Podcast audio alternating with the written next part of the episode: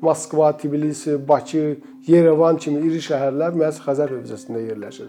Yəni onların e, suları e, heç bir təmizləmə keçmədən əsas hallarda e, Xəzər dənizinə yollar. Məsələn, Bakıda bu gün çirkab sularının təxminən 50%-ə qədəri birbaşa Xəzər dənizinə yönəldir.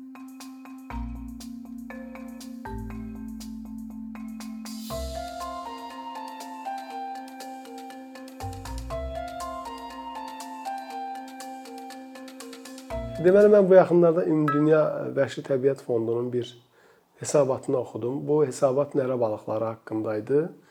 E, yəni nərə balıqlarının yer kürəsində azalma trendləri haqqında ümumi məlumatlar gedirdi.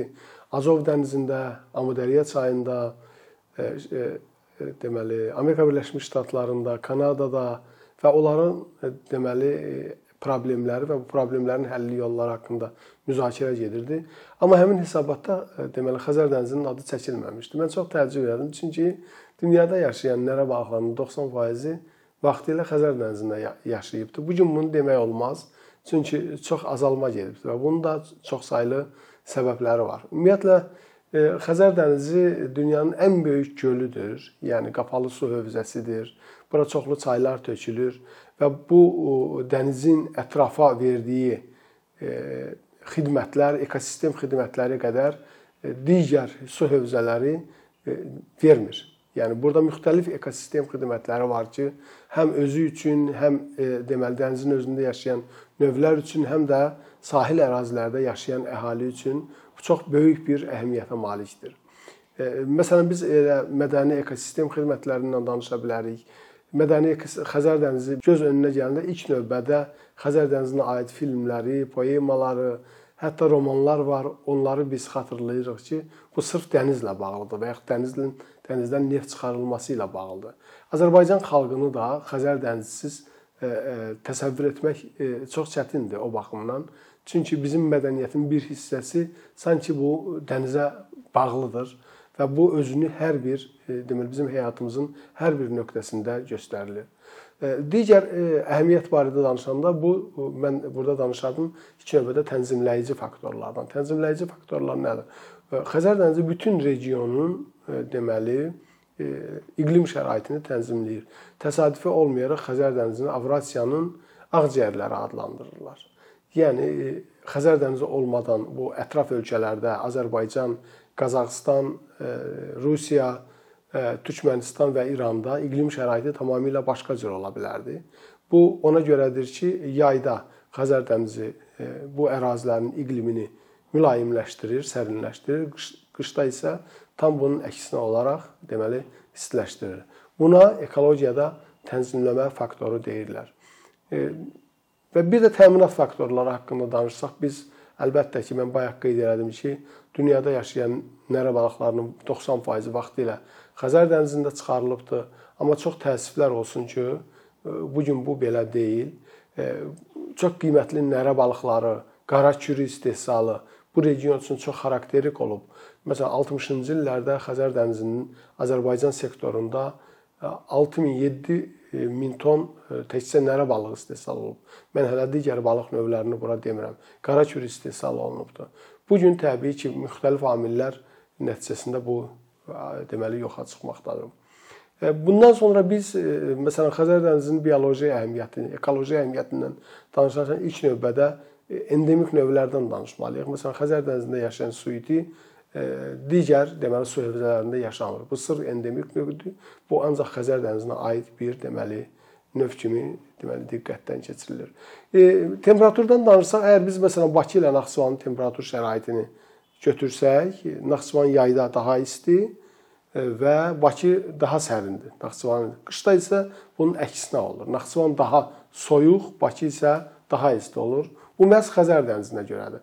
Və əgər biz bunu iqtisadi baxımdan hesablasaq, görün nə qədər deməli bunun xeyrinin olduğunu vararıq. Həm isinmə xərcləri, həm soyutma xərcləri burada artıq nə etmiş olur? Azalmış olur. Son vaxtlar e, biz Azərbaycanın su qıtlığı ilə, kəskin su qıtlığı ilə e, deməli qarşılaşmağından danışarkən belə bir mənzərə ilə rastlaşırıq ki, Azərbaycan Xəzər dənizinin su ehtiyatlarından məhz içməli su kimi, həm də suvarma suyu kimi istifadə etmək ərəfəsindədir. Müasir texnologiyalar artıq imkan verir ki, dəniz suyu şirinləşdirilsin. Bir şeyi biz təsəvvür edək ki, Abşeron yarımadasında özünün su mənbələri yoxdur. Bura su hardansa çox uzaqlardan gətirilir və bunun nəticəsində biz əlavə xərclərə varırıq. Əgər Abşeron yarımadasında dəniz suyu şirinləşdirilərsə və hətta bu gələcəkdə iri bir miqyas alarsa, bu o deməkdir ki, Abşeron yarımadası özünün su mənbəyinə malik olacaq. Həm suvarma suyu kimi, həm də içməli su kimi, su kimi bundan istifadə etmək olar. Qiyməti ola bilsin bir qədər fərqli ola bilər, amma müasir qiymətlərə baxanda, dünyada olan müasir qiymətlərə baxanda biz görürük ki, Xəzər dənizindən dənizinin suyunun şirinləşdirilməsi iqtisadi cəhətdən tamamilə effektivdir. Çünki çox ölkələr var. Məsələn, Qətər, Amerika Birləşmiş Ştatları, İspaniya, e, Kipr bu ölkələrdə dəniz suyu şirinləşdirilir. Amma onlarda olan deməli dənizin duzluluğu Xəzər dənizi ilə müqayisədə 3 dəfə çoxdur. Bu deməkdir ki, biz e, deməli 3 dəfə e, daha çox qənaət etməklə məhz e, deməli Azərbaycanı bu su qıtlığından xilas edə biləcəyik. Bu əlbəttə ki, çox böyük bir deməli bizim üçün nemətdir və bu neməti qorumaq lazımdır. Çox təəssüflər olsun ki, Xəzər dənizi bir çox deməli insan mənşəli amillərin təsirindən bu gün əziyyət çəkməkdədir. Bundan e, deməli ilk növbədə mən çirklənməni deyərdim. Çirklənmə Xəzər dənizində birbaşa e, deməli e, deməli neft məhsullarının çıxarılması ilə və həm də Xəzər hövzəsindəki yaşayış məntəqələrinin kanalizasiya sularının Xəzərə axıdılması ilə bağlıdır. Məsələn, bizə faktı deyim ki, Moskva, Tbilisi, Bakı, Yerevan kimi iri şəhərlər məhz Xəzər hövzəsində yerləşir. Yəni onların e, suları e, heç bir təmizləmə keçmədən əsas hallarda e, Xəzər dənizinə yollar. Məsələn, Bakıda bu gün çirklənmə çirklənmiş suların, çirkab sularının təxminən 50%-ə qədəri birbaşa Xəzər dənizinə yönəldir. Əlbəttə ki, bu dənizdə ekosistem mühitini çox pisləşdirir və əlbəttə buradakı balıq populyasiyalarına çox ciddi təsir edir. Başqa bir məsələ də ondan ibarətdir ki, Xəzər dənizində yaşayan bu balıqlar keçici balıqlardır. Onlar kürü tökmək üçün miqrasiya edirlər, çaylara daxil olurlar və dağlıq ərazilərdə kürü tökürlər. Çox təəssüflər olsun ki, çaylarımızdan götürülən suyun həddən artıq artması nəticəsində artıq dənizlə çaylar arasında ekoloji əlaqələr kəsilmişdir və balıqlar Xəzər dənizindən çıxaraq birbaşa çaylara daxil ola bilmir. Başqa bir faktor isə bizim çayların üzərində çoxlu bəndlərin tikilməsidir. Bu bəndlər balıqların keçidinə açıq-aşkar mane olur. Onu da deyim ki, müasir dünyada artıq bu bəndlər sökülməkdədir və bir çox ölkələr, məsələn, Yaponiyada, Amerika Birləşmiş Ştatlarında, Kanadada bu bəndləri ona görə sökürlər ki, çaylar öz ekoloji e, funksiyalarını bərpa edə bilsinlər. Bizdə isə əksinə hələ də bu bəndlərin tikilməsi təhlükəsi var. Yəni bir çox dağ çayları üzərində də bu bu bəndlərin tikilməsindən söhbət gedir və ola bilsin ki, bu səbəb olacaq gələcəkdə balıq populyasiyalarının daha da azalmasına. Və məhz buna görə də bizdə balıq istehsalı sürətlə azalır. Hətta məsələn nərə ovuna qoyulmuş kvotalar belə, yəni Xəzəryan ölkələr tərəfindən nərə ovuna müxtəlif kvotalar qoyulub, hətta onlar da kömək edə bilmirlər. Çox təəssüflər olsun ki, bu qədər böyük bir rekreasiya əhəmiyyəti olan, deməli, su obyektinin imkanlarından biz bu gün çox yaxşı istifadə edə bilmirik. Bunun əsas səbəbi bir tərəfdən çirklənmə olduğu halda, digər tərəfdən də Xəzər sahillərinin kütləvi zəbt olunmasındadır. Və əlbəttə ki, istənilən bir yerə bir turizm e, məqsədi üçün istifadə edəndə biz açıq dəniz sahilinin olmasını istəyirik. Bu Xəzər dənizində və onun ətraf ərazilərində çox e, saylı turist obyektlərinin olmasına baxmayaraq, bu məhz bu faktor Azərbaycana gələn turistlərin sayını əhəmiyyətli dərəcədə azaldır. Əgər biz təkcə Abşeron yarımadasında Novxanıdan tutmuş, deməli Şıx çimərliyinə qədər bir e, xəritələşmə aparsaq, görərik ki, sahil ərazilərin əksər hissəsi tamamilə sıradan çıxıbdır.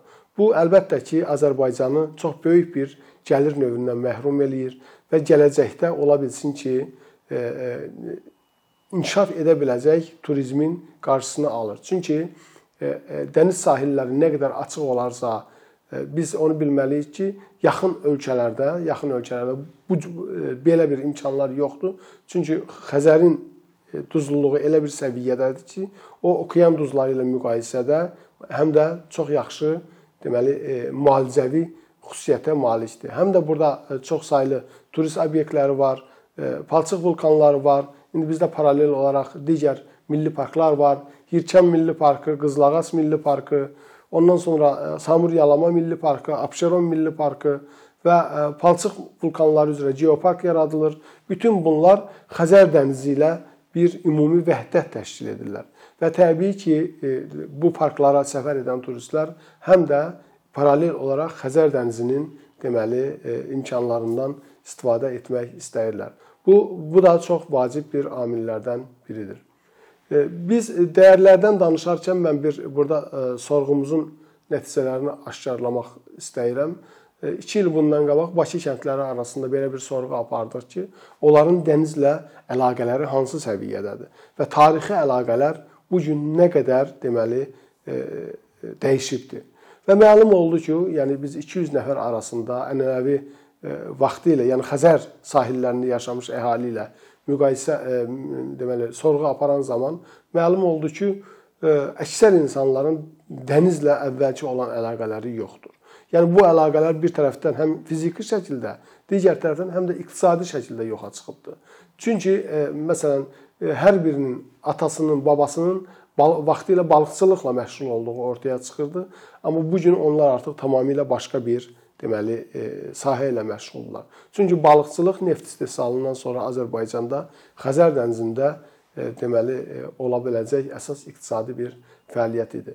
Bu deməli resursun, bu balıqçılıq imkanlarının yenidən bərpa olunması üçün təkcə Xəzərə aid yox, təkcə Azərbaycana aid yox, həm də digər ölkələrlə qarşılıqlı deməli əlaqələr yaradılmalıdır. Xüsusilə Xəzəryanı ölkələr öz iradələrini ortaya qoymalı və müxtəlif fəaliyyət planlarının artıq işlənməsinə start verməlidirlər. Son illər biz nəyi görürük? Xəzərdən gələn mən istəyirəm bir qədər də bu barədə danışım. Xəzər dənizinin səviyyəsinin sürətlə azalması. Əlbəttə burada çox ciddi bir məsələ var ki, bu azalma nə üçün baş verir? Əsas əsasən araşdırmalar onu sübut edir ki, qlobal iqlim dəyişmələri nəticəsində dəniz səthindən gedən buxarlanma sürətlə artır və eyni ilə dənizə tökülən çayların sululuğu azalır. Bu isə Xəzər dənizinin balansında mənfi büdcə yaradır. Və bu mənfi büdcə nə deməkdir? Daha çox suyun itirilməsi. Nəticədə Xəzər dənizi bu gün sürətlə geriyə çəkilir. Bu özünü daha çox şimal sahillərində, Qazaxıstan sahillərində göstərir. E, orada elə yerlər var ki, kilometrlərlə dəniz artıq geriyə çəkilibdir. Hətta elə yerlər var ki, dənizin içərisində bir nəfər adam bir tərəfdən girib o biri tərəfdən çıxa bilər. Yəni bu çox təhlükəli bir tendensiyadır. Bu proses hələ də gedir. Çox təəssüflər olsun ki, verilən proqnozlar bu baxımdan e, deməli o qədər də ürəkaçan deyillər. Xəzərin səviyyəsinə aid olan e, deməli e, tədqiqatlar onu göstərir ki, Xəzər dənizində səviyyə tərəddüdləri deməli müntəzəm olaraq baş veribdi. Məsələn, ən az səviyyə tərəddüdü Xəzər dənizində ən aşağı səviyyə 1978-ci ildə qeydə alınıbdı və ondan sonra yenidən bir artma baş verib. Və 1995-ci ilə qədər bu artma davam edib. Yalnız 1995-ci ildən sonra yenidən e, bu günə kimi Xəzərin səviyyəsinin azalması baş verir. Biz gələcəyi proqnoz edə bilmirik. Çox təəssüflər olsun ki, bu günə qədər Xəzər dənizinin səviyyəsinə aid verilən heç bir proqnoz özünü doğrultmayıbdı. Ona görə də biz dəqiq deyə bilmərik ki, səviyyənin çəkilməsi davam edəcək, səviyyə indiki halda qalacaq, yoxsa səviyyə yenidən qalxmağa başlayacaq. Amma Azərbaycan bir dövlət olaraq hər üç deməli ssenariyə artıq hazır olmalı və bu ssenarilər nədən ibarətdir? Məsələn, əgər səviyyə çəkilirsə, bizim e, müəyyən iqtisadi fəaliyyətlərimizdə məhdudiyyətlər əmələ gəlir. Məsələn, gəmilərin hərəkətində çox ciddi e, problemlər var və bir çox hallarda gəmilər sahilə yan ala bilmir. Lazım olur ki, deməli, sahil ərazilər e, qazılsın və xüsusi kanallar vasitəsilə gəmilər e, deməli sahilə yan alsın. Artıq bu gün məsələn Bakı bulvarında qabaq dəniz gəzintisi vardı. Həmin o gəzintini təşkil edən gəmilər sahilə gələ bilmədikləri üçün onlar təxirə salınıbdır. Bundan başqa iqlim dəyişmələri nəticəsində suyun temperaturu artır. Suyun temperaturunun artması nəticəsində suda olan oksigenin miqdarı azalır. Bu isə gələcək deməli balıq populyasiyalarına çox ciddi zərbə vurur. Deməli bu problemin həlli çox təəssüf ki, bizim əlimizdə deyil. Amma yenə də qeyd edim ki, dənizin səviyyəsi yenidən geriyə qalxa bilər. Və geriyə qalxa bilərsə nə baş verəcək? Bundan ötürü biz 1995-ci ilə ekskursiya etməliyik. Məsələn, 1995-ci ildə dəniz səviyyəsinin qalxması nəticəsində Bakı Astara dəmir yolu sıradan çıxmışdı. Lənkəranda böyük əraziləri, böyük evləri su basmışdı. Kür çayı dənizə tökülə bilmirdi. Neftçala rayonunda iri yaşayış massivləri su altında qalırdı. Bundan başqa Nabran istirahət zonasında o bütün o rekreasiya qurğuları tamamilə dağılmışdı. Sahillər dağılmışdı, yollar dağılmışdı və ona görə də belə bir e, e, deməli nəticə çıxır ki, Azərbaycan həm səviyyə azalmalarına, həm də səviyyə artmalarına hazır olmalıdır. Bundan ötürü biz e, müxtəlif araşdırmalar aparmalıyıq. Mümkün e, deməli azalmalar nəticəsində mümkün ola biləcək təsirləri biz müəyyən etməliyik və bu təsirlərdən biri məsələn e, nə ola bilər? Deyək ki, açıq ərazilərin, çox böyük açıq ərazilərin, qumlu ərazilərin yaranması bu gələcəkdə Bakıda və Abşeron yarımadasında hava keyfiyyətinə çox mənfi təsir edə bilər. Çünki qumun havaya daxil olması nəticəsində asılı tozların miqdarı artır. Bu da hava keyfiyyətini e, çox azaldır. Və bu bu proses, bu prosesin qarşısı alınması üçün bəlkə yaşıllıq zolaqlarının salınması Xəzər dənizi sahillərində, quruyan ərazilərdə nisbətən duzlu mühitə dözümlü olan bitkilərin salınması bu baxımdan deməli məqsədə uyğun olardı. Yekunda mən nəyi deyə bilərəm? Əgər biz bu günə kimi Xəzər dənizində tutulan 60-cı illərdə Xəzər dənizində tutulan balıqların səviyyəsini saxlaya bilsəydik, yəni dənizin ekologiyasını qorumaq şərti ilə və bu 300 il davam etsəydi, hesablamalar göstərir ki, biz neftdən gələn gəlirdən daha çox gəlir götürə bilərdik. Yəni Azərbaycan xalqı üçün Xəzərin Xəzər dənizinin dayanıqlı istifadəsi, onun resurslarından dayanıqlı istifadə imkanlarının araşdırılması çox vacibdir. Xəzər dənizi Azərbaycan üçün bizim təsəvvür etdiyimizdən qat-qat çox böyük əhəmiyyətə malikdir. Biz onun çirkləndirilməsinin qarşısını almalıyıq. Biz bilməliyik ki, Bakıda havanın keyfiyyətində ən mühüm rolu elə Xəzər dənizi oynayır. Məsələn, cənub küləkləri gələndə e, şəhərin havasını təmizləyir, şəhərdə olan tüstünü, tozu qovub çıxardır. Biz bilməliyik ki, e, Xəzər dənizi bizim tarixi yaddaşımıza köçübdür, bizim mədəniyyətin bir hissəsidir və onun tamamilə belə deyək, ekoloji baxımdan sağlamlaşdırılması hər bir deməli e, e, institutumuzun, universitetimizin, tədqiqat müəssisələrimizin, bizim vətəndaş cəmiyyəti qruplarının əsas vəzifəsi olmalıdır. Məsələn, mən çox təəssüf ki, bu günə qədər sırf Xəzərin problemləri ilə məşğul olan bir qeyri-hökumət təşkilatını tanımıram. Var ekologiyaya aid olan təşkilatlarımız, amma onlar çox ümumi gedirlər. Sırf Xəzərlə məşğul olan, Xəzərin e, deməli problemlərini araşdıran, Xəzər sahili insanların dənizlə əlaqələrində yaranmış problemləri araşdıran bir belə bir qeyri-hökumət təşkilatı tanımıram. Ona görə də bu istiqamətdə biz daha aktiv olmalıyıq və hesab edirəm ki, e, bizim kimi savadlı bir cəmiyyətdə bu problemin həlli yaxın 20-30 il ərzində mümkün ola bilər.